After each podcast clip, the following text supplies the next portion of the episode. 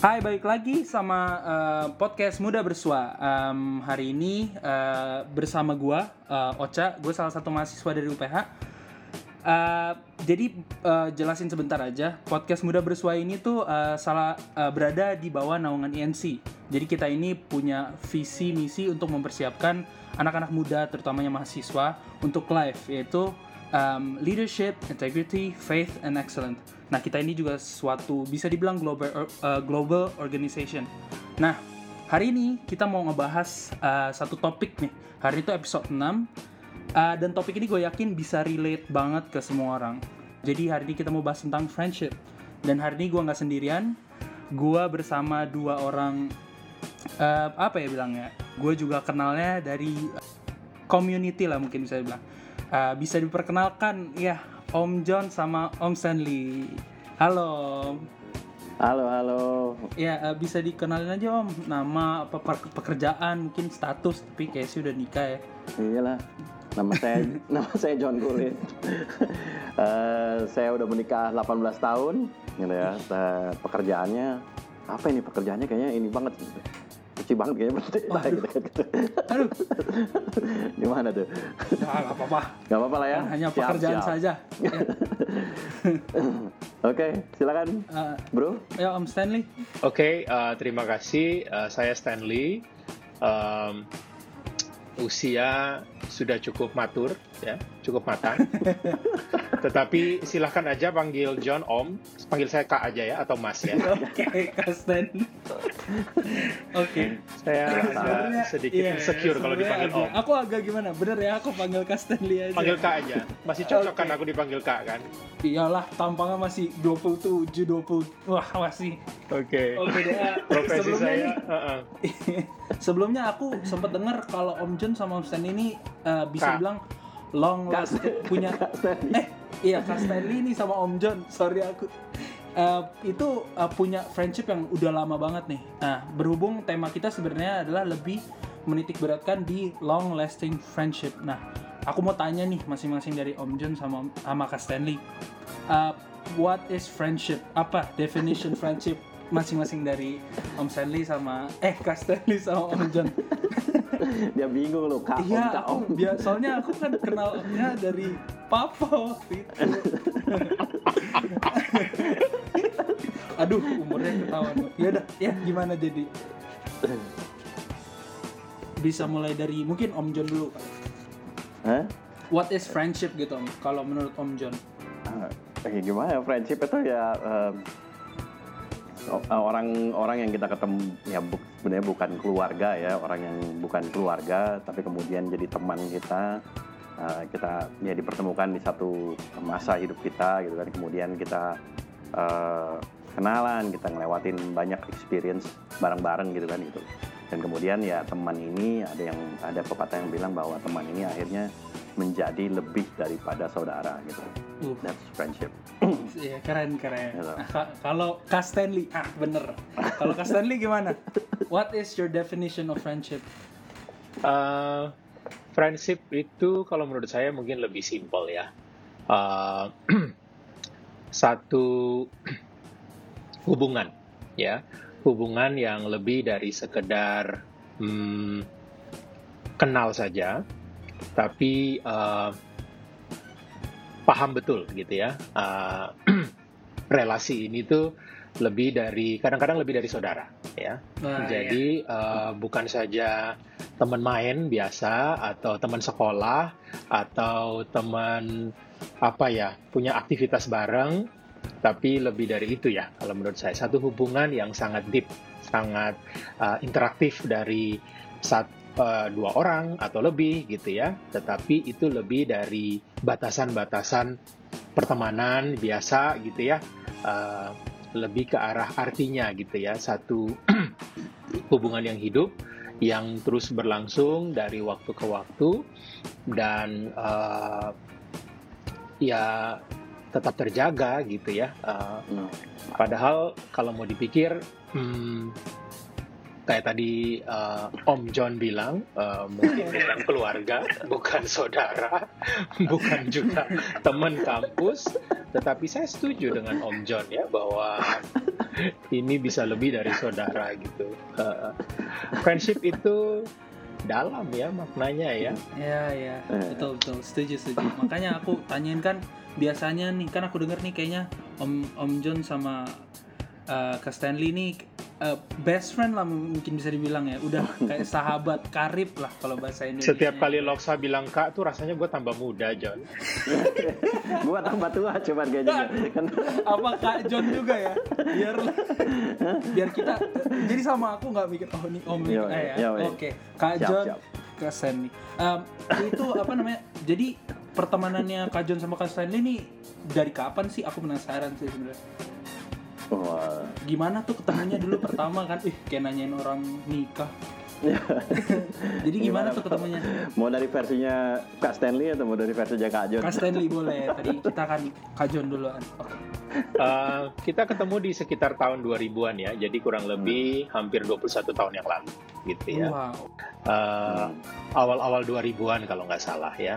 ya. Kebetulan saya hmm, dapat kesempatan lah uh, mendapat kesempatan uh, trip ya ke US. Waktu itu uh, Kak John ada di US, waktu itu di uh, Las Vegas. Okay. Tapi kita ketemu awalnya itu bukan di Las Vegas justru ya John ya. Kita yeah. ketemunya di uh, Colorado, Colorado ya, Denver ya.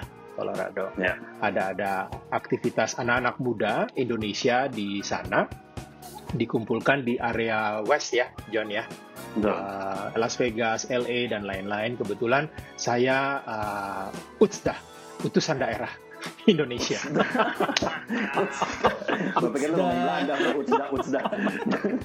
Utusan daerah dari Jakarta, Indonesia. Kumpul di sana, ketemu beberapa teman-teman. Uh, kayak beauty pageant aja Jan Utsda uh, jadi ketemu beberapa teman-teman dari beberapa negara bagian di US sama dari Indonesia juga. Nah di situ ketemu John. Gitu. Ah. ya. Seorang pria pemalu yang malu-maluin uh, pemalu tapi duduk paling depan gitu aduh aktivitasnya kurang lebih kumpul-kumpul anak Indo orang Indo apa anak-anak muda Indonesia itu kurang lebih dua hari atau tiga hari gitu ya Iya. Yeah. Oh, camp okay, okay. betul weekend ya weekend camp gitu ya yeah. terus ya dari situ kita kenal dan um, ya mulai dari saat itu terus uh, membina hubungan pertemanan ya, oh, itu yang saya ingat sih kurang lebih 21 tahun lalu ya, ya. berarti keren juga ya ketemunya di US gitu wah Wah, kalau dari versinya Om John, gimana tuh pertama kali ketemunya? Pengen tahu. ya enggak, benar sih. Sebenarnya kita ketemu di apa dia tadi ya gitu di pertemuan remaja, ya anak muda lah gitu. Hmm. Pada saat kita udah nggak remaja ya waktu itu ya, ya, ya. tapi pertemuan anak muda. terus udah gitu ya kita ketemuan, uh, terus udah gitu uh, ya perkenalan, terus uh, waktu itu Kak Sandy juga kayak uh, tapi kan dia balik lagi ke Jakarta ya gitu loh saya tetap di US gitu saat itu tapi ya ya itu walaupun kita baru kenal tapi ketika kita kenalan kayak connect aja dari awalnya sih gitu ya kayak nyambung. Kemudian ya dari situ ya kita nggak jarang ketemuan sebenarnya. Kita baru ketemuan lama itu sejak 2009 kali ya. Jadi waktu itu uh, ya 2000 kita ketemu kemudian ketemuan lagi the following uh, kayaknya tahun depannya lagi 2001 kemudian terakhir ketemu itu 2002 pas saya nikah. 2002 hmm. Uh, Kak Stanley hadir ke pernikahan gitu kan gitu terus udah gitu uh, udah setelah itu masih mas saya menikah Kak Stanley mengejar pendidikannya terus udah gitu uh, ya itu baru ketemu lagi mungkin 2009 pas kita semua balik ke oh. Jakarta ya. Oke oke oke. nah, ini kalau namanya pertemanan ya, apalagi persahabatan sih, pasti ada ups and downs -nya. Pengen tahu dong, kalau misalnya zaman aku kan apa sih paling ups and downs-nya gara-gara ngobrol di sosial media lah jadi masalah. Ah, kalau waktu itu Kajun sama Kak Stanley ups and downs-nya di friendship nih apa nih? Bisa coba dari Kajun dulu lah. Up and down di dalam pertemanan atau up Iya. and down di dalam di Pertemanan. dalam kita hidup hidup kitanya dalam pertemanan jadi kayak ada masalah apa pasti kan ada tuh kayak bentrok-bentrok gesekan dikit tuh biasanya tapi ya nggak tahu sih cuman kalau aku mengalaminya seperti itu ah kalau Kak John sama Kak Stanley gimana nih? Mungkin kayak nggak ada permasalahan di itu ya kalau up, up and down di ininya mungkin nggak ada ya tapi karena kita berjauhan mungkin lebih ke timing dalam komunikasi aja kadang-kadang gitu loh oh Ya different kan, time kan, zone ya Iya, kan different time zone ya. Pada saat itu kan belum ada Zoom, belum ada WhatsApp call ya gitu kan. Jadi kita masih pakai ya kalau zaman dulu mungkin anak-anak muda nggak tahu kali ya kartu telepon gitu kalau nelpon. waduh tidak tahu gitu. Jadi masih pakai kartu telepon kita terus udah gitu ada limitnya. Jadi kadang-kadang juga kita ngobrol tapi eh, karena different time zone ketika lagi nelpon yang satu lagi sekolah, yang satu lagi eh, yang satu lagi free gitu kan. Jadi kayak itu aja sih mungkin lebih ke gimana menyesuaikan jadwal di dalam kita ngobrol aja sih. Ya kadang-kadang kayak gitu sih. Ya, salah satu ups and down-nya ya mungkin ke masalah seperti itu sih salah satu hal yang saya ingat banget itu kadang-kadang kayak pengen ngobrol pengen cerita gitu kan cuman dia lagi ya wah gue lagi kuliah nih bentar gue telepon lagi ya gitu atau dia nopo apa atau kita terus udah gitu misalnya ya dia pengen ngobrol cuman gue juga lagi sibuk gitu nah salah satunya mungkin itu kali ya Ah. Kak Stanley bagaimana Kak Nah, Stanley kalau Kak Stanley dari point of view Kak Stanley mungkin ada yang mau ditambahin kah atau gimana? nggak ada sih. Waktu itu memang karena jaraknya jauh ya, terus perbedaan eh, rentang waktu yang cukup eh, eh, banyak ya. Saya pagi, Johnnya malam gitu, atau sebaliknya gitu. Dan juga belum semudah sekarang ya eh, aksesnya. Dulu itu ya Iya pakai cuman pakai telepon atau email ya kalau nggak salah ya. Kita baru Iya. baru mulai punya Hmm. email. Jadi memang ja- saat itu tuh nggak ada nggak ada spesifik ups and down-nya gimana. Cuman memang malah mungkin lebih karena jauh terus memang pengen ngobrol, pengen apa share gitu ya. Terus ketemu udah kayak soulmate lah Eh, apa sih ya. Heeh. Eh, jadi benar-benar oh ya nanti dia mau telepon jam segini gitu. Nanti kita ngobrol gitu. Malah bikin apa ya kayak semangat gitu loh. Eh, sehingga eh, nggak nggak mikirin tuh downnya ya mikirin upsnya aja gimana caranya biar kita tuh bisa tetap membina hubungan pertemanan ini walaupun memang nggak mudah waktu itu. Hmm. Ya. ada pengorbanan sih. Misalnya gue kuliah gitu terus eh, si Kak John itu kan pasti tengah malam di sana kan atau sebaliknya gitu. Eh, ya itu sih waktu itu eh, ya. Ya ber- berarti summarize-nya inilah summarize-nya berarti kalau kata bahasanya puitis ya kita mungkin ini ruang dan waktu. Nah, itu aja paling ya. Jarak dan time zone. Nah, ini kan eh, aku adalah temen yang kayak gitu juga. Nah, kadang kalau jaraknya jauh tuh suka lost contact terus akhirnya Hmm. eh ada kayak pertemanannya tali pertemanannya sedikit kendor terus lama-lama jadi kayak nggak pernah komunikasi nah dari oh, dari Kak John nih sama Kak Stanley gimana caranya tuh maintain uh, pertemanan yang meskipun jaraknya jauh berarti kan uh, komunikasi juga salah satu faktor yang berperan besar banget dong dengan waktu yang sebegitunya terus harus sacrifice, sacrifice waktunya juga kayak kuliah tadi kan katanya Kak Stanley nah itu gimana tuh kira-kira tuh mungkin bisa berguna banget buat anak-anak zaman sekarang gitu eh, Kak Stanley Gimana tuh? Kak Stanley coba bisa. Jadi gini, waktu itu tuh kan gini ya, ka- karena kita punya teman banyak ya. Tapi kalau pas kita ketemu teman yang memang benar-benar punya apa ya value yang bagus dalam hidupnya, itu kan juga membuat kita tuh uh, ada trust ya, percaya sama teman itu gitu. Terus setiap kali ada Iya, iya. kesempatan untuk interaksi dengan dengan teman yang punya karakter seperti itu tuh menurut saya valuable gitu ya itu benar-benar Hmm. bermakna gitu jadi eh ya berteman dengan Kak John dengan kendala dan eh, hambatan yang begitu apa eh, banyak itu nggak jadi sesuatu yang membuat kita malah lost contact gitu loh. Karena bisa saling Ah. mengisi gitu. Karena ada saya sendiri pribadi valuable waktu misalnya John ngobrol tentang apa tentang buat saya itu value gitu. Uh, bernilai gitu. Ya. jadi nggak nggak itu yang yang membuat kita tuh nggak nggak renggang.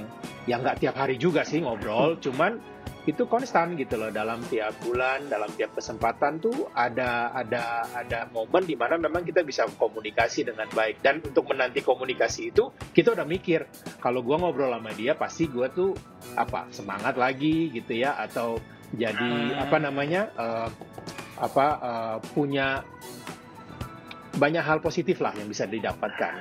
Nah, jadi itu yang bikin malah pertemanan tuh jadi lebih enak gitu. Nggak nggak cuman karena ngobrol basa-basi yang nggak ada juntrungannya. Iya, iya.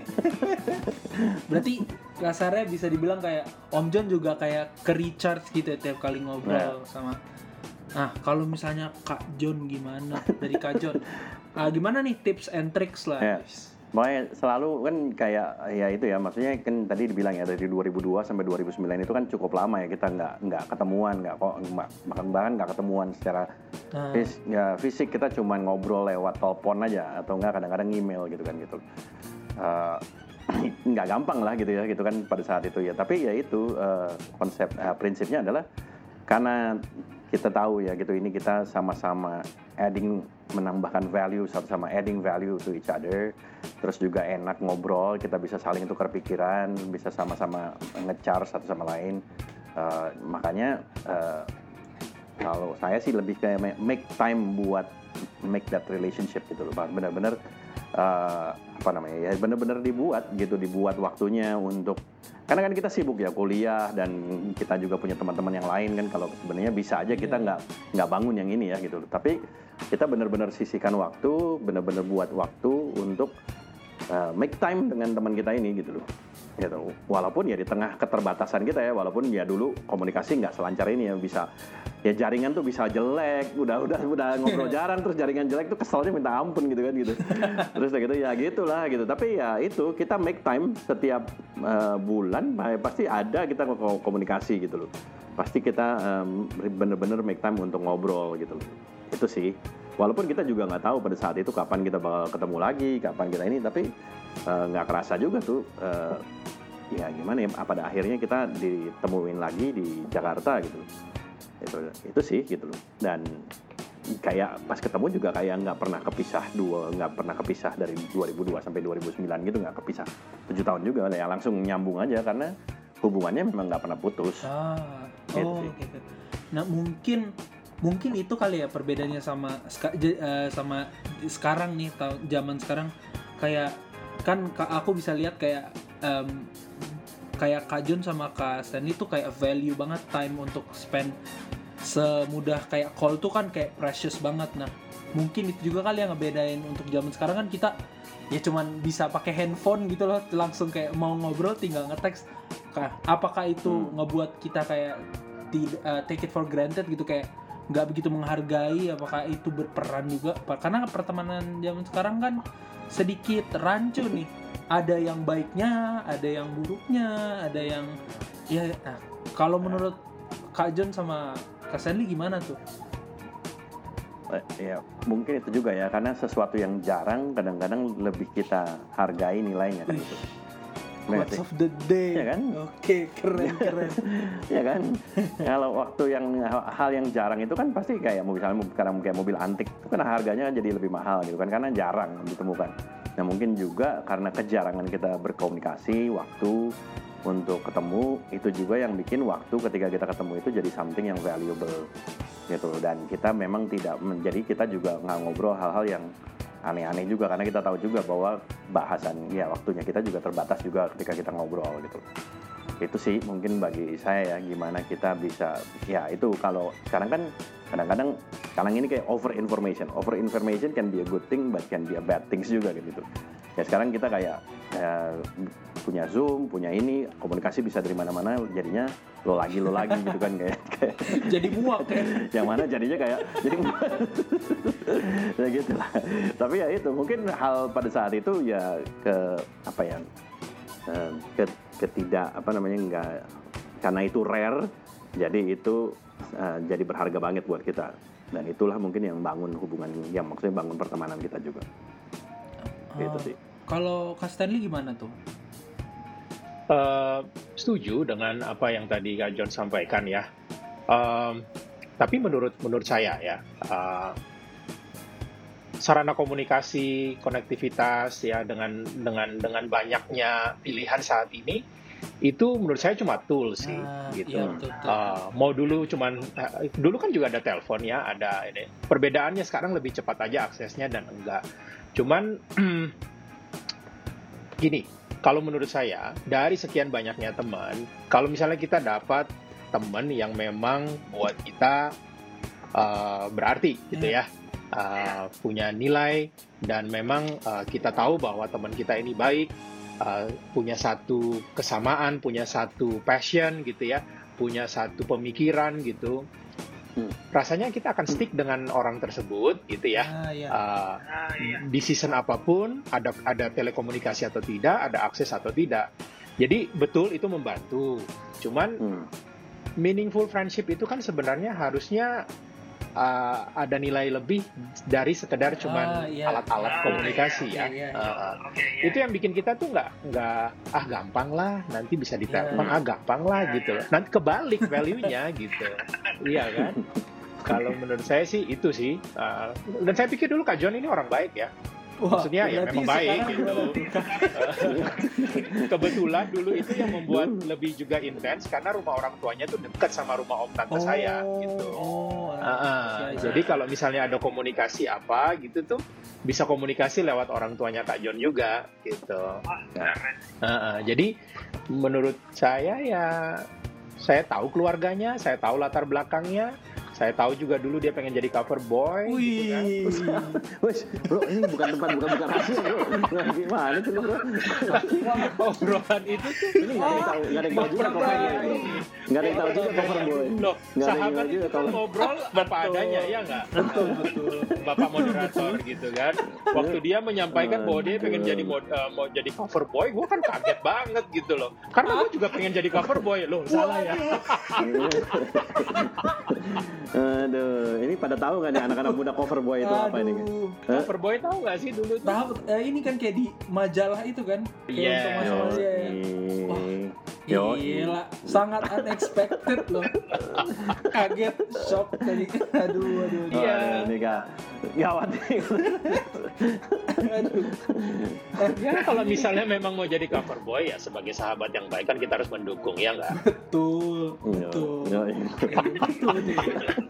Ini aku ini nih tadi kepikiran tiba-tiba. Nah, kan em, sekarang nih tadi kan eh, sosial media eh, semua eh, sarana komunikasi tuh jadi punya apa lebih cepat lah kita bisa ngobrol sama siapa di detik Hmm. itu juga. Nah, ada nih satu fenomena yang orang bilangnya katanya internet friends. Jadi temen yang kita ketemu di internet yang mungkin kayak belum pernah ketemu tapi kita bisa kayak temenan aja berkomunikasi lewat chat dengan mungkin beberapa punya hubungan yang baik beberapa mungkin kurang tapi apa tuh gimana tuh Em, eh, kalau menurut om tuh gimana tuh? Menurut Kajon deh eh, itu tuh gimana? Apakah mereka bisa diconsider real friends? Atau mereka hanya orang yang lewat aja kayak kita kenalan terus chatting gitu? Gimana tuh?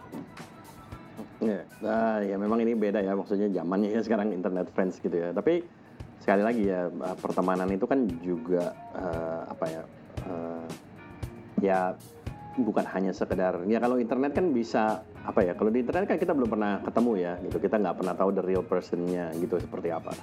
Kalau kita berdua ini kan kita pernah ketemu ya. Kita pernah ketemu kita tahu aslinya seperti apa eh, eh, ngobrolnya seperti apa gayanya seperti apa karakternya seperti apa. Jadi ada itunya juga kan ada faktor itunya kan. Tapi kalau internet friends kan kita nggak bisa tahu karakter dia sebenarnya seperti apa.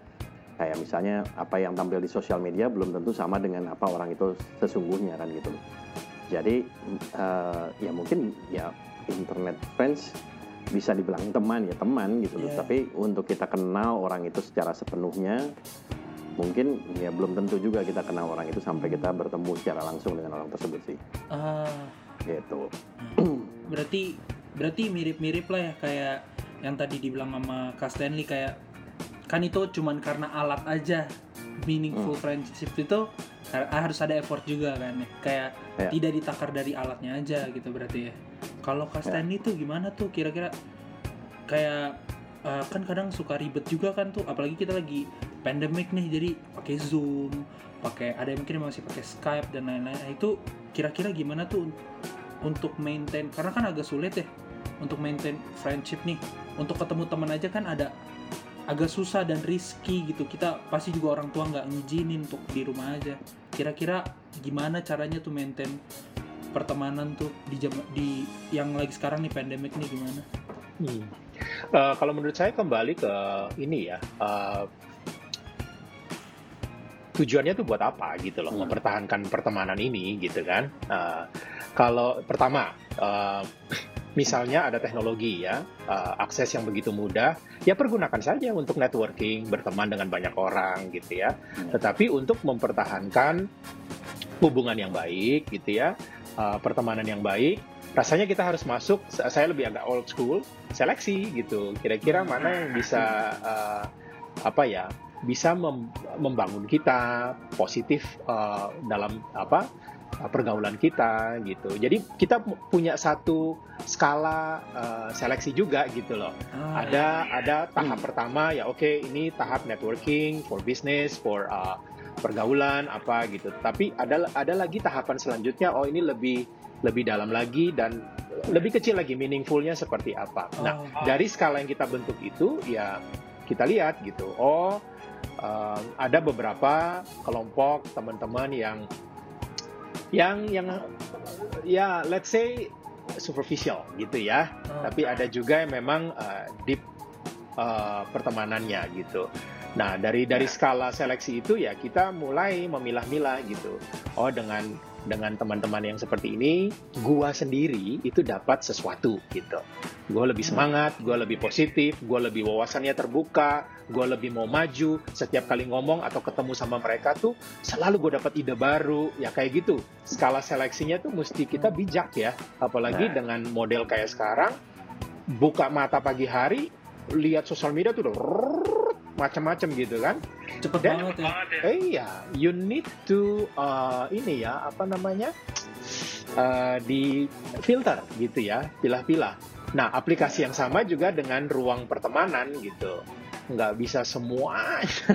Iya Kalau iya misalnya iya, memang kita. buat kita ternyata itu tidak membuat kita uh, maju, tidak membuat kita positif, tidak membuat kita produktif gitu. Ya mesti punya ruang, oke, okay, tidak memutuskan hubungan, tetapi juga tidak terlalu berlama-lama membuang waktu untuk sesuatu yang tidak ada benefitnya. Nah. Oh, oke okay, oke. Okay. Ya. Nah, ini kalau misal ngomongin tadi kan, uh, Kak Stanley bilang seleksi nih, berarti uh, kurang lebih Kak Stanley sama Kak Joni berarti pernah ketemu, mungkin orang sekarang lebih kenalnya toxic friendship. Itu kan salah satu orang-orang yang kita nggak mau nih ada nih karena itu mengganggu. Eh itu gimana tuh kak? Kalau misalnya kayak gitu apa tanda-tandanya kira-kira kayak wah nih orang ini agak toxic nih kayaknya gue harus ngejauh nih atau gimana? Apakah harus ada kasus dulu baru menjauh atau kita bisa kenalin itu dari awal? Hmm. ya. Gimana tuh? Siapa dulu nih sampai nunggu sambil nunggu nungguan ya, kamu, eh. ya. Eh, John. Ya pasti ya pasti kerasa lah ya. Maksudnya ketika kita ketemu dengan orang itu kayak tadi di awal Kak Stanley bilang gitu kan gitu. Ketika ketemu dengan orang ini apakah orang ini membuat kita jadi lebih nge-charge dalam kehidupan kita? Apakah ini menambah value dalam kehidupan kita apa enggak? Atau ini hanya sekedar uh, apa namanya ya ya toksik lah maksudnya nggak nggak nambahin apa-apa kita ketemu dia jadi malah jadi capek kita ketemu dia malah jadi kayak kesel atau kayak Berarti gimana gitu ya. destruktif ya. gitu ya tidak yeah, konstruktif gitu kan. ya iya kan oh. destruktif lah gitu jadi kita juga kan kita bisa tahu lah gitu ya uh, uh, perlu nggak sih ini in, apa mel, uh, invest waktu untuk uh, untuk bergaul dengan orang ini gitu loh. Memang mungkin di awal kita masih bisa oh mungkin dia nggak begini mungkin orangnya gitu. Tapi kan di lama-lama ketika kita tahu sendiri ya gitu ketika ketemu sama orang ini kok kayaknya uh, ini ya kayaknya uh, ya tadi gitu loh. Kayaknya merusak, kayaknya nggak ada positifnya, kayaknya gue ketemu orang ini malah udah udah dari kerjaan gue udah stres ketemu orang ini malah tambah stres malah tambah, bukannya happy malah tambah stres iya, gitu kan gitu loh jadi ya ya mungkin ya pada saat itu ya ya itu tadi masuk ke seleksi, seleksi aja gitu loh maksudnya ya kita tetap berteman kita tetap ketemuan kita tetap network mungkin ngobrol sama orang ini bangun jalin hubungan tapi mungkin ya nggak bisa jadi sahabat ya. Mungkin kalau saya kayak tadi mau nambahin yang Kak Stanley, kayak di Instagram aja lah. Instagram kan kalau kita share kita share story kan kita punya yang kita bisa share ke publik, yang mana ada teman-teman kita yang following kita, tapi ada juga close friends kan gitu. Close friends akan melihat hal-hal yang mungkin kita nggak pengen orang lain bisa share ke kita juga. Makanya ya itulah itu kayak seleksinya ya begitu sih gitu. Di dalam persahabatan asli pun juga ada yang memang friends, tapi kita punya uh, close friends lah atau ada orang orang-orang bilang kayak inner circle mungkin ya kayak begitu ya orang-orang yang di mana bisa membantu kita untuk yaitu punya nilai lebih di dalam kehidupan kita atau ya membuka wawasan kita itu sih. Oh I see, I see. nah kalau dari Stanley sih uh, kalau John ini toxic udah tak tinggal. Dari udah dari kapan ya? Dari waktu sebelum ketemu ya? Dari tahun 2002 itu udah tinggal kayaknya. Oke. uh, suruh aja dia zaman kita tuh Britney Spears. Udah nggak ada sekarang. Ya, Tapi aku masih tahu Britney Spears. Oh, udah masih tahu ya. Oke. Okay. Tahu lagunya tahu. Oke, okay, gini uh, uh, Bro. Kalau menurut Kak ya, uh, well, kebetulan Kak ini dokter gitu ya. Uh, kita tuh kan semuanya mau sehat ya, mau sehat, oh, badan sehat. Uh, kalau cowok ya pengen punya badan yang apa ya uh, tough gitu, tangguh gitu ya. Uh, terus juga dari ujung kaki sampai ujung rambut kita mau kita umur panjang kita sehat ya. Betul, betul. tentunya dari sisi kedokteran ya kita pilih makanan yang bergizi makanan yang ada nutrisi. Hmm. kalau mau lebih spesifik lagi ya kita nanti hitung mana makro yang bagus mana mikro yang nggak boleh ditinggalkan gitu. Nah analogi yang sama mungkin di friendship ya di pertemanan ya. Kira-kira apa yang banyak kandungan radikal bebasnya ya sudah semakin dijauhi. Karena at the end of the day yang harus kita pikirkan kita nih tujuannya mau ke mana gitu hmm. ya kan hidup kita ini sebenarnya mau apa kita mau di surround dengan orang-orang seperti apa gitu yeah. nah dari awareness seperti itu aja itu sudah membuat kita tuh lebih jeli ya, lebih lebih teliti gitu loh. Oh, ini buat gua nggak sehat, ini buat hmm. gua nggak nggak bertumbuh, ini malah bikin nanti uh, apa? Sering sakit perut, sering mual gitu ya, sering sakit kepala, itu kan toksik yeah. ya dari dari dari masalah kesehatan gitu. Nah itu yang dipilih gitu. Misalnya kalau saya saya anjurkan ke pasien-pasien saya, ya sudahlah mulailah hindari makanan-makanan yang terlalu banyak penyedap rasa, pengawet dan lain-lain gitu ya, which is mungkin nikmat sesaat hmm. gitu loh. Yeah. Tetapi uh, slowly itu kan nggak terlalu bagus for your health ya. Uh, the same analogy itu sama juga dengan friendship gitu loh. Pilah-pilah ya dengan baik tanpa menyakiti, hmm. tanpa me, me, apa ya put somebody on the corner gitu. Gua nggak mau sama lu ya karena lu toxic gitu juga gitu loh. Cuman kita uh, kita tuh benar-benar tahu bahwa yang pertama pikir dulu diri kita. Oke, okay? tujuan hidup gua adalah begini. Uh, dan untuk mencapai tujuan itu gua memerlukan supporting system dengan kriteria yang seperti A, B, C, D gitu. Sudah ya kita happy gitu. Nah, kebetulan Kak John ini salah satu support system yang menurut saya sampai hari ini tetap akan dipertahankan. jadi tidak dipertahankan. Karena begini loh, Sa. Begitu misalnya saya mau makan apa gitu. Contohnya ya, saya mau makan apa, seorang teman dia akan bilang, "Bro, lo kalau makan itu lama-lama ada ada tendensi nanti lo kena cancer loh di kemudian hari karena gini-gini. Ya kalau misalnya dia juga diem aja dan merasa bahwa ah udah nikmat makan aja gitu bareng-bareng gitu loh tanpa mengetahui bahaya di depan ya I don't think it's a friendship ya gitu. Yeah. Uh, jadi mungkin seperti itu seorang teman value uh, seorang teman yang punya value itu tuh dan se sebuah friendship yang baik itu uh, juga tahu gitu loh bahwa dengan dengan being honest itu juga membantu kita gitu. Ya, oh. ya. So kadang-kadang ya itu kan ngomong-ngomong yang jujur itu kadang-kadang mungkin nggak enak ya. Sakit. Tapi kita tahu kan karena kita peduli sama orang itu. Yeah. Gitu kadang ini kita ngobrol. Gitu. Nah, itu sih. Sama ini nih kak, nih ada juga kan kalau di pertemanan tuh salah satunya tuh kayak dominan banget gitu kayak terlalu dia merasa bahwa dirinya tuh lebih superior daripada temennya nih. Nah itu gimana tuh? Itu itu sih kalau aku personally ya itu sih risih banget. Ah kalau buat kajar nama Kasten gimana nih? Kasten nih Do- dominan sih oh mungkin bahasanya ini salah aku tadi bahasanya. Bukan dominan. Kayak dia merasa dirinya itu lebih baik daripada temennya. Padahal kan harusnya Ah. mungkin kalau aku nggak gitu loh gitu kayak ah nih temen gua nih kayak keluarga nih sahabat berarti gua harus support bukan merasa kayak wah diri gua lebih tinggi daripada dia gitu ada Eh. karena tuh fenomena-fenomena kayak gitu suka ada tuh yang sekarang. Gimana tuh kesannya Enggak, biasanya sih kita uh, sejauh ini ya persahabatan dengan Kak John ini, uh, kalau menurut saya, menurut kita berdua hal-hal seperti itu kita ketawain sih, karena Iya. uh, kita tahu bahwa itu akan merusak apa yang kita bina, gitu. Hmm. Kita paham betul ini punya satu risiko untuk juga mencelakai pertemanan kita, gitu. ah, iya. Jadi kalau menurut saya, kalau ingin membina satu persahabatan yang langgeng, yang jauh, uh, nggak cuman sekedar uh, waktu-waktu menyenangkan bersama gitu ya, atau pada saat semua lagi happy-happy aja itu oke.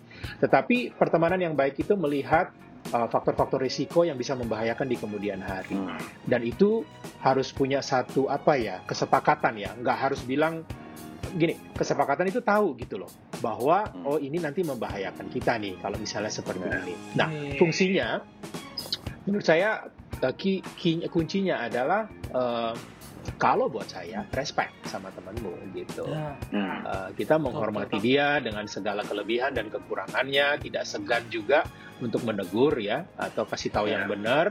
Itu itu part of respect your friend gitu. ah, Bukan bukan judging ya, bukan ya, betul, betul. uh, put your best friend on the corner dan uh, Hmm. judge him. No, it's part of the respect. Kalau kalau saya begitu. Jadi selama ini sama Kak John sih, ya namanya pertemanan yang baik itu rasanya kita akan tahu, oh ini akan bahaya nih kalau misalnya kita tuh entertain atau kita membuat uh, uh, kondisi itu terjadi dalam pertemanan kita gitu. Ya. Nggak tahu kalau dari dari Kak John gimana? gimana Ya, tuh Pak? mungkin kalau dominan mungkin nggak nggak ada dominan ya maksudnya tapi lebih mungkin kan masing-masing ya Kak Stanley teman saya punya punya hal-hal yang memang di mana ya itu memang bidangnya kita ya gitu loh misalnya gitu ya misalnya misalnya dalam menyanyi oh udah jelas gitu dominannya Wah. Kak Stanley aku aja gitu kan gitu. aduh gitu kan kalau kita misalnya lagi ke restoran yang ada mikrofonnya gitu kan saya nggak mungkin megang mikrofon udah pasti udah pasti Stanley dominan udah gitu kan gitu Saya nggak mungkin. saya nggak mungkin nyanyi kan gitu tapi kan saya juga nggak mencoba untuk Lu curhat ya, bro? enggak Nggak, sebenarnya memang ada cerita gitu. Setiap kali kita Iya. makan di restoran dulu, zamannya restoran dulu tuh setiap restoran tuh hampir punya live music, ya nggak John? oh Iya. iya iya iya iya Terus eh, mereka tuh selalu, bro lo nyanyi, lo nyanyi, lo nyanyi. Terus gue bilang gitu, enggak, enggak, enggak ah gitu. Tapi begitu mereka meleng, gue ada di panggung udah. gitu dan ya itu kalau penyanyinya bilang apa I ada just cannot ada- help it. Iya. kalau ada kalau penyanyinya nanya gitu ada nggak nih yang di restoran ini yang mau nyanyi kita langsung ini kalau dikasih mikrofonnya nggak akan balik nih katanya. Gitu. sampai tutup sampai tutup gitu. Iya gitu kan gitu. Tapi ya itu maksudnya kan ya, dia punya apa namanya punya kelebihan di dalam hal itu gitu ya. Dan ya secure aja di dalam persahabatan gitu loh. Kalau memang teman kita memang jauh lebih kuat di dalam hal tersebut kita nggak harus compete juga ya nggak mencoba iya, untuk betul, saya nggak mencoba untuk mengalahkan dia dalam nyanyinya gitu kan. Nggak mungkin juga kan karena itu jadi jadi nggak jadi nggak baik juga buat kita gitu loh gitu. Tapi ya bener-bener kayak ya bener-bener jadi enter bukan entertain one another ya bener-bener jadi ya bener salah satunya entertain one another gitu. Saya menikmati ketika dia nyanyi ketika dia ya pokoknya apa pun yang jadi kelebihannya dia itu ya saya nikmati lah gitu ya gitu itunya gitu. Dan ya kita benar-benar menikmati kekuatannya masing-masing gitu dan saling menerima dan secure dengan uh, kekuatannya masing-masing benar-benar seperti itu sih. Kan kadang-kadang kan kita kayak trying to compete gitu ya gitu. Atau mencoba untuk wah dia begini gua harus begini gua enggak kita sih santai aja gitu loh. Benar-benar secure dengan siapa kita di dalam fase hidup kita masing-masing juga sih gitu loh. Gitu. Jadi nggak nggak trying to be ya nggak trying to beat one another atau compete one another atau mengalahkan satu sama lain. Tapi kita benar-benar enjoy one another punya friendship sih gitu loh itu makanya kita bisa ketawa tadi ya gitu saya mau jadi cover boy dia pengen jadi cover boy itu kan sebenarnya itulah maksudnya aduh kita udah tahu gitu ya gitu belum tahu sih siap Kesang. Aduh. Eh, berarti Itu maksudnya. berarti kayak em, lebih kita harus memeran kita punya peran sebagai support system berarti ya dari namanya kita harus support kita harus support kayak sahabat kita apa yang mau dia Ya. lakukan gitu ya. Jadi Ya. aku dapat mungkin kayak Kak Jon bilang tadi kom gak kompetisi tuh kayak apa kayaknya nggak perlu deh untuk sama sahabat karena harusnya kita saling membangun konstruktif kan harusnya pertemanan. Nah Ya. biasanya pertemanan-pertemanan yang sehat yang membangun ada yang disebut namanya boundaries kayak di mana orang nggak boleh gimana ada aturan tersendiri lah antara persahabatan nah untuk di antara Kajan sama Stanley nih uh, friendship boundariesnya apa aja nih kira-kira Ya. Oke, mungkin ke boundaries lebih muncul ketika kita berdua menikah ya, ah iya gitu kan, gitu loh. Jadi kan waktu, waktu kita nggak nggak kita juga ketika kita spending waktu gitu, kadang-kadang kita sangat enjoy pertemanan kita, kita sampai lupa sama pasangan kita itu jangan sampai gitu ya gitu loh. Maksudnya seperti itu kita harus ada boundaries juga bahwa ya family comes first juga di dalam hal ini gitu. Uh, boundaries yang seperti itu sih sebenarnya. Karena uh, ketika kita masih jomblo mungkin ya santai gitu ya. Tapi ketika kita punya pasangan itu kan jangan sampai pasangan kita cemburu dengan pertemanan kita juga kan gitu itu boundaries ya. Gitu kan itu. Ya bisa kan gitu. Bisa, Bisa, teman di atas ya kan teman di atas pasangan kita bisa kan gitu seperti itu.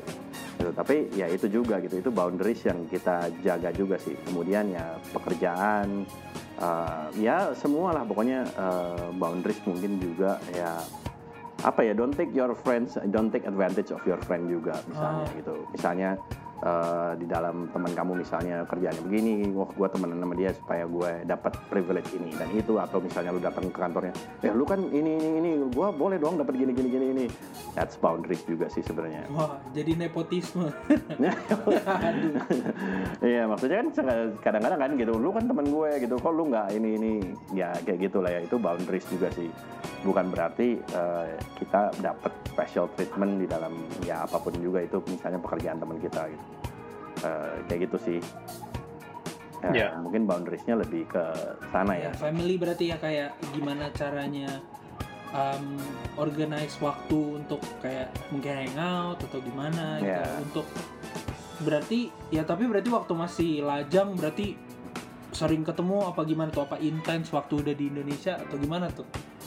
Kan berjauhan kita waktu itu. Jadi kita ya itu mungkin lebih ke ya ya kan lebih banyak lebih jauh ya nggak nggak seintens kalau kita sama-sama di Jakarta mungkin ya gitu Oh. cuman kan pada saat itu kan banyak ngobrolnya lewat telepon gitu sih kalau dari saya sih boundariesnya salah satunya kalau dari Kastandi gimana tuh Kalau dari saya sih, eh, ya hampir sama seperti yang tadi Kak John sampaikan ya.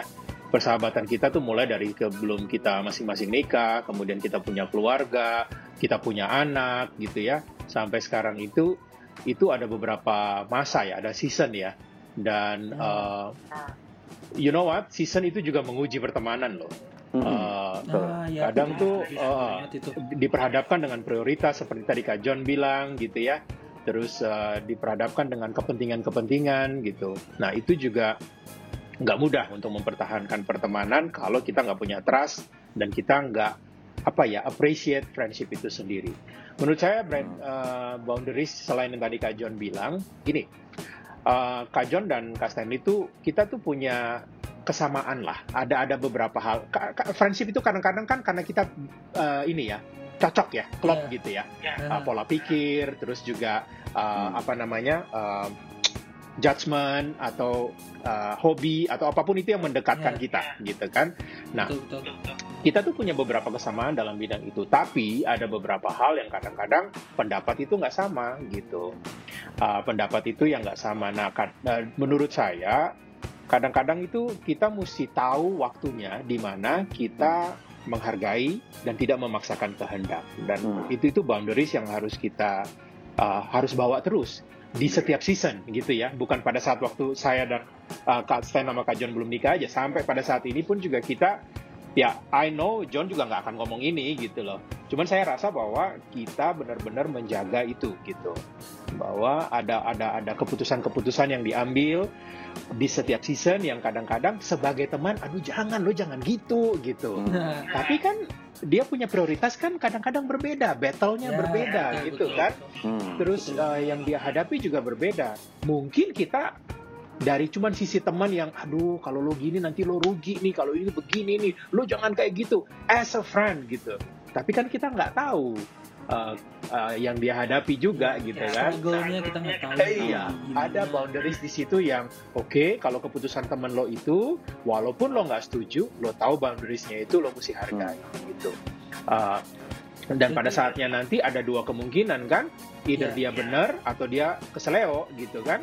Nah, di kedua di kedua di kedua kondisi itu as a friend you terima dia gitu kan bukan arti eh, nggak nggak juga yang oh kan gue udah bilang ini, ini, ini." nggak nggak kayak gitu juga gitu Udah jatuh ditimpa. sering Dan- sering melihat kayak gitu udah jatuh ketimpa tangga ya Iya. iya jadi menurut menurut Kak Stanley sih itu ya eh, boundaries itu sesuatu yang berseni di dalam pertemanan gitu. Hmm. Eh, kalau nggak ada itu wah bablas eh, Loksa Eh, jadi dan jadinya itu nggak ya? Nggak nggak bagus gitu. Ya bagus juga. Jadi posesif juga bisa aku dapat ini sih mungkin untuk ngingetin ke teman-teman yang denger juga kayak kadang kita tuh berteman beda opini bukan berarti kita jadi musuhan kan zaman sekarang nih ya orang beda opini sama kita tuh berarti dia oh berarti kamu musuh saya kalau beda opini. Banyak banyak banyak yang punya pemikiran seperti itu. Nah itu mungkin harus lebih menghargai mindset kita menghargai keputusan. Karena banyak yang dikonsider sama dia kan belum tentu apa yang kita consider sama gitu. Karena beda beda beda misalnya lingkungan sosial beda lingkungan keluarganya juga gimana. Jadi Betul. Em, mungkin banyak juga yang akhirnya kayak cuman gara-gara itu jadinya mereka memutuskan hubungan pertemanannya pertemanannya gitu. Nah Kak Sreni sama Kak John pernah nggak kayak pertemanannya ini eh, nggak nggak harus karena beda pendapat ya tapi ada memutuskan hubungan pertemanan dengan siapa gitu? Ada nggak? Karena perbedaan pendapat. Nggak nggak harus nggak harus karena per- Oh. per- eh, perbedaan pendapat. Itu kan salah satu aja yang ada gitu. Ya. Kalau saya sih ber- berhenti jadi, jadi teman ada. Kalau ada orang-orang yang memang kayak tadi ya toksik ya gitu loh. Nggak mem- nggak membantu saya. Maksudnya kita mencoba bangun pertemanan tapi juga nggak nggak sehat juga pertemanannya. Dan kemudian ya ya itulah mungkin. Itu. Makanya jadi eh, ya udah sekedar tahu aja gitu. Kan ada ada orang-orang yang kita tahu aja ada yang jadi teman tapi ada yang jadi sahabat kan gitu kan. Gitu kan itu. Jadi ya itu aja gitu loh. Eh, mungkin kita nggak berhenti berteman kali ya tapi mungkin kita hanya ya udah tahu sama tahu aja. gitu ya? Iya Kenalan kenal lah gitu ya. gitu. Iya. Hmm. sekedar tahu lah gitu loh. Mungkin ke situ kali ya. Eh, lebih seperti itu. Kayak gitu sih. Kalau Stanley gimana tuh? Ya, sama. Kalau saya sih ada ya uh, pertemanan yang memang nggak kita rasa bahwa itu nggak nggak bikin kita lebih maju ya dalam segala hal, nggak membuat kita lebih kreatif, produktif dan lain-lainnya, atau cenderung malah destruktif. Oh, Ya kita mesti uh, ya paling nggak tidak berlama-lama gitu. Cuman begini, sering problem, terutama saya nggak tahu Kak John, tapi kalau saya juga, tapi rasanya kita hampir-hampir sama gitu loh. Karena kadang-kadang kita berdua kita menyadari bahwa kita tuh susah say no gitu. ah, Uh, kadang-kadang kita tuh aduh nggak enakan gitu. iya benar Terus yang namanya sahabat kan kita tahu ya, dan kita berdua orangnya tuh avoid konflik gitu loh. Ada bagusnya, ada Hmm. juga enggak. Bagusnya ya sudah nggak ribut, nggak nggak rame, kita bisa saling mengerti, respect satu sama lain. Tapi ya, nggak bagusnya ya kita nggak bisa bilang tidak dan tidak nggak nggak punya kemampuan juga untuk menyudahi sesuatu yang ternyata bisa membahayakan kita. Nah, akhirnya kita juga belajar gitu loh eh, persahabatan, pertemanan atau kita sendiri kita belajar ambil langkah untuk pada satu titik katakan nggak bisa, gua nggak boleh, gua nggak mau dan eh, gua tetap mau berteman tapi gua nggak akan eh, apa ya eh, involve lebih jauh lagi dengan sesuatu yang bisa mendestruksi gua. Kemampuan untuk keluar dari dari sesuatu yang berbahaya buat kita itu kadang-kadang uh, kemampuan mampu laksananya itu masih banyak yang kalau Kak Stan lihat ya banyak orang masih belum bisa gitu Oh. karena uh, nggak enakan gitu tapi nggak bisa ya memang harus punya satu concern bahwa Hmm. Gua harus memilih yang terbaik buat gua gitu. berarti kayak harus belajar ini ya eh, bilang enggak itu harus belajar bilang enggak terkadang ya Ya. Iya, Ah. harus. Nah, uh, padahal kadang-kadang kan nggak enak gitu ya takutnya enggak aduh nggak enak nih dia kan udah gitu budaya Wah, kita kan iya. Noksa iya budaya Asia atau Indonesia nggak enakan gitu orang luar bilangnya orang Indonesia tuh orangnya ramah Hah? saking ramahnya lupa bilang enggak kayaknya Iya itu mesti mesti ya bukannya kita juga udah expert ya kalau menurut saya Iya, betul, cuman betul, betul. itu proses pembelajaran loh untuk bilang enggak gitu Iya, Betul. betul. kita harus hadepin sendiri lah supaya oh oh ya udah bisa nih tahu nih gimana itunya Em, sama mungkin em, apa ya em, di ppkm nih kan sekarang ppkm jadi level 3 dan 4 ya kalau nggak salah ya Ya. itu aku juga salah aku juga salah satu ngerasain kayak nggak bisa ketemu orang terus harus em, ketemunya via zoom nih kayak gini atau via mungkin line call ada banyak lah sarana Hmm. itu em, apakah arti pertemanan jadi eh, berubah jadi kayak aduh nggak kayak dulu nih bisa ketemu langsung karena aku pun sendiri bingung kan kayak oh gue sama dia masih deket nih tapi kok kayak ada yang berubah gitu. Tuh kira-kira menurut kakak-kakak gimana nih? Karena aku sendiri juga bingung kayak wah ini lagi nggak bisa ketemu. Karena kan kalau kita nongkrong lah bilangnya ketemu secara fisik dan via zoom gini kan agak berbeda. Kayak Hmm. kita nggak ngerasain secara fisiknya gitu. Bukan agak berbeda memang berbeda deh Oh, Beda. beda banget gitu loh tapi ada juga orang-orang yang enjoy gitu Iya, untuk Iya. dan terutama orang-orang yang introvert mungkin ya uh, lebih, ya Ya, lebih senang gitu. ya. Tapi yang namanya makhluk sosial itu kan selalu pengen ada physical contact gitu ya, pengen Hmm. gather, pengen flock together gitulah. ya Uh, ya ini kan kita nggak ada yang nyangka ya situasinya seperti kayak gini ya pandemik dan lain-lain. Um, lihat value pertemanan itu sendiri gitu loh. Uh, ingetin diri diri kita sendiri bahwa oh ya janganlah pertemanan kita hanya dibatasi dengan alat komunikasi gitu. Value dari friendship itu tuh yang harus selalu diingat gitu loh. Gua kenal sama lo bukan karena uh, dibatasi ya. dengan uh, cellphone atau zoom atau yang lain gitu.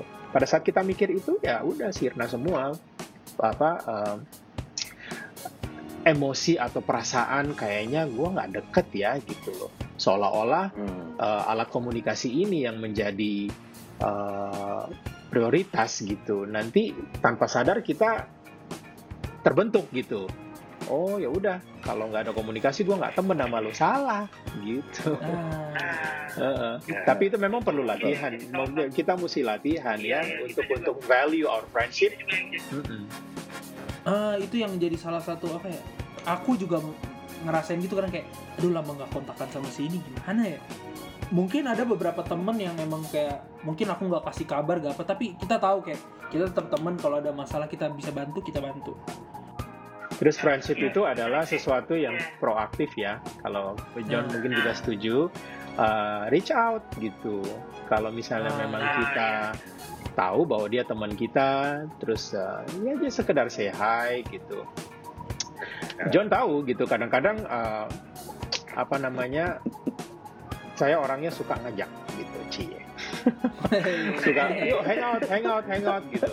Nah kadang-kadang Ya. eh, apa namanya satu sedikit cerita ya log saya Eh, iya iya nggak apa-apa. kerjaan saya tuh sibuk banget ya sibuk ngurusin ya ada usaha klinik dan lain-lain gitu. Pernah sekali ketemu John gitu. Saya sama istri saya tuh breakfast lah breakfast gitu. Di salah satu tempat yang cukup jauh dari rumah kita gitu. Terus waktu itu John gabung yuk kita breakfast. Many many times lah gitu. Nah, tanpa cerita gitu. Nah, waktu kemarin PPKM kita juga lakukan hal yang sama. Eh, belum PPKM ya waktu itu ya. Uh, Hmm. terus John tanya, wah breakfast aja jauh juga ya gitu. Tuh as a friend, as a best friend. I bilang sama John, saking sibuknya, gue harus sempet sempetin waktu supaya gue bisa makan pagi sama istri gue, walaupun itu ke restoran gitu. Karena kadang-kadang saking waktunya ini ya, uh, jadi memang bisa uh, harus punya waktu untuk itu. Nah, itu kan sesuatu yang tidak mudah dibicarakan ke orang lain kan. Iya sih. Teman-teman sendiri gitu. Hubungan yang udah dan ada yang ngerti gitu. Iya. Uh, uh. Yeah. Kalau dari dari Kak Stanley sih gitu. Hmm. Makanya makanya tadi di awal kan kita ngomong gitu bener-bener harus make time ya gitu loh. Ppkm ya memang ppkm tapi kan sebenarnya bukan hanya ppkm yang bisa jadi pemisah pertemanan ya. Kayak kesibukan kerjaan gitu oh, kan iya, kadang-kadang iya, ada dokter Stanley itu sibuk banget atau saya sibuk dengan pekerjaan saya sampai kita nggak pernah ketemu. Lu kok sibuk banget sih sekarang bro? Gitu kayak gitu ya. Tapi ya kita whatsappan gitu hanya sekedar bro lu kayaknya sibuk banget sekarang kayak gitu ya gitu. Tapi uh, ya udah memang lagi memang lagi seasonnya seperti itu ya kita juga ngerti lah gitu ya gitu. Ya tapi ya itu tadi ya sekedar celoteh celoteh singkat begitu tapi itu bangun pertemanan gitu loh. Jadi bukan hanya sekedar ppkm virus corona atau apa pun itu yang memisahkan pertemanan kita sebenarnya apa pun bisa gitu. Pernikahan biasanya gitu ya pernikahan kita kesibukan dengan keluarga dengan pekerjaan sebenarnya bisa mem, bisa menjadi yang memisahkan kita tapi kita memang selalu make time itu tadi ya make yeah, time yeah, untuk yeah. kirim SM eh, kirim SMS lagi jauh jadul banget kirim gitu kan. kayak kirim SMS gitu kayak gitu-gitu makanya yeah. seperti itu sih nggak harus kua nggak harus quantity ya quality yeah. itu juga penting gitu ya terus yeah. uh, kedua uh, untuk bina satu persahabatan yang baik ya apa ya kita kita saling paham lah gitu ya bahwa uh, saling saling ini perhatian ya gitu. Ya. Nah, makanya kan kalau misalnya yang satunya lagi sibuk kita kayak bisa nanya so uh, what can I do to support lu? Gitu loh kayak gitu kan gitu loh. Gitu kan gue bisa bantu lu apa nih? Oh ya bantu. Paling minta ya doain lah buat ini nih gue lagi sibuk begini begini begini atau apa gitu. Ya kayak gitulah hal-hal seperti itu jadi bukan selalu harus obrolan panjang satu jam dua jam no. bisa aja cuman yeah. ya lima menit just to say hi kayak gitu gitu atau mungkin ya gitu ya yeah. singkat padat jelas meaningful ah ini ada salah satu nih yang mau nanya nih ada salah satu yang lagi nonton nih mau nanya bilang katanya mau nanya kalau persahabatan beda gender gimana tuh? gimana tuh sehat apa enggak? Ada dua pertanyaan tuh gimana dan sehat apa enggak? Siapa dulu nih mau jawab? Aku aku lumayan lumayan menarik nih pertanyaan. Persahabatan beda gender menurut saya nggak ada masalah ya. Namanya juga persahabatan ya. Itu kan ada rambu-rambunya ada nilainya ada batasan-batasannya ada ada ada apa ya uh, etikanya lah dalam dalam hmm. beda gender. Namanya juga beda gender, jangan bablas nanti udah nggak nggak nggak nggak sehat gitu. Ya, Berarti kita tahu, balik gitu. lagi ke boundaries tadi lagi ya? Ya nggak cuma boundaries, value daripada pertemanan itu oh. gitu. Nah, kalau terus-terusan boundaries juga, nanti kan kita juga jadi nggak apa ya nggak nggak relax gitu loh. Apa-apa nanti ah. berdasarkan oh nggak boleh begini nggak boleh begini nggak boleh begini. ah orang sekarang dibilang nggak boleh begini nggak boleh begitu malah di di, di malah dilakuin. Malah dilakuin. Enggak ya nilai dari persahabatan itu apa? Sebenarnya tuh punya banyak teman gampang, tapi mempertahankan satu hubungan pertemanan yang baik, sehat, dan bertahan lama itu butuh effort, butuh effort gitu loh. Nah, effortnya itu yang bisa dibangun nggak bisa dalam seminggu uh, iya itu panjang. Sih. butuh bertahun-tahun mungkin. Yeah. ah ini kita udah durasinya sudah lumayan. Mungkin wrap up. Nah sebelumnya nih kan Om Stanley dokter nih. Kita lagi di ppkm nih. Mungkin uh, Kak Stanley bisa kasih tahu nih pendengar-pendengarnya mungkin untuk tentang ppkm nih gimana atau kasih himbauan atau gimana? Ya pertama patuh ya dengan apa yang sudah pemerintah sampaikan buat kita semua lakukan uh, protokol kesehatan dengan sebaik mungkin ya. Sebaik mungkin tuh artinya ya jaga diri sendiri dulu jaga keluarga jaga teman-teman gitu untuk tidak bosan-bosan mengingatkan tentang protokol kesehatan. Kemudian vaksin ya. Kalau misalnya memang dapat kesempatan untuk vaksin pertama, kedua, dan nanti booster, lakukan itu semua. Karena dari sisi kedokteran itu sangat-sangat membantu menjaga diri kita uh, apa uh, dalam menghadapi bahaya COVID-19 ini gitu. Kemudian ya udah surround yourself dengan teman-teman yang memang positif, teman-teman yang memang punya punya apa ya visi misi ke depan yang supporting hmm. one another dan salah satu key ya yang sampai hari ini pun saya juga masih belajar sama Kak John. Saya nggak tahu kalau Kak John, Kak John mungkin sudah sudah ini kali, udah lulus kali. Dalam pertemanan jangan gampang baper Ah, betul. Jangan gampang dikit-dikit uh, apa merasa self pity gitu. Jangan begitu ya santai aja. Kalau dia cover boy ya nggak apa-apa. Gue tetap jadi gue tetap cover jadi boy lagi. Uh, uh, gue jadi tetap jadi tetap star di bidang gue gitu. Siapa tahu no, no, kan no, I'm just kidding. Kan. I'm just kidding. No, maksudnya gini, jangan gampang baper lah gitu ya. Kadang-kadang sama teman itu tidak diperhatikan, wah udah sibuk banget nih, wah udah lah nggak usah temenan. Ya jangan juga gitu loh. Ada alasan-alasan yang sangat uh, mendasar kenapa teman kita tiba-tiba uh, berperilaku atau berubah sikap gitu. Karena gini Loksa satu lagi ya. Sorry ya John gue banyak ngomong. Boleh boleh boleh. Siap siap siap. di dalam dunia medis kita juga belajar tentang psikologis ya. Kenapa tadi Kak Sandi bilang pertemuan pertemuan secara fisikal itu penting ya? Karena secara ini gitu uh, online lewat media itu bagus membantu akses cepat. Tapi juga ada kondisi yang namanya uh, apa fatigue. Fatigue terhadap ini terhadap uh, apa namanya semua online ini gitu loh. Itu yang kadang-kadang ya? cloud or judgment gitu ya. Yeah. cloud or judgment ah gue malas ketemu lo ini cuma padahal ternyata you cuma capek karena online seperti ini. Makanya tadi waktu lo saya tanya harusnya gimana? Ya value your friendship not based on the uh, ini ya uh, communication tools gitu. Itu menurut saya. Ya. oke deh gila. Aku belajar banyak banget ya dapat. Wah ini juga sebenarnya kayak masih banyak banget sih ceritanya. Cuman mungkin mungkin oh. jadi dia dua jam setengah kalau iya, dia banyak banyak banget itu baru ah. satu cover boy sama nyanyi kita baru masih banyak area-area lain perlu kita bahas aku masih aku masih kaget loh sebenarnya ternyata mau jadi cover boy ah Oh, lo nggak lihat tuh sisa sisa sisa ketampanannya masih ada. Ya? Sisa sisa. Wah. tadi tadi pakai backgroundnya mobil balap terus pakai ini udah kayak tampan itu lebih dari tampan loh Loksa. Wah, pasti pasti. Tampan. Oh, nggak tahu pada zamannya memang uh, begitu John naik panggung, Selamat sore Senayan City.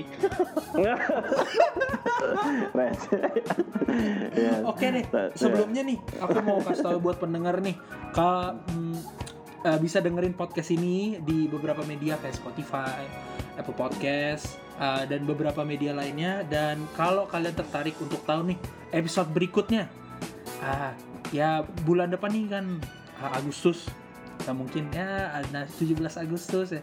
Kalau mau tahu lebih lanjut bisa follow uh, Instagramnya di IN Kampus Jakarta. Di situ banyak info info-info tentang kita. Bisa lihat juga kalau tertarik mungkin bisa baca-baca dan lain-lain. Uh, thank you banget ya uh, Kak John Kak Sandy aku belajar banget banget deh. Jawab ada pertanyaan-pertanyaan ini jawab thank you ya. Siap. see you guys next time. Thank you so much. See you guys. Bye. Bye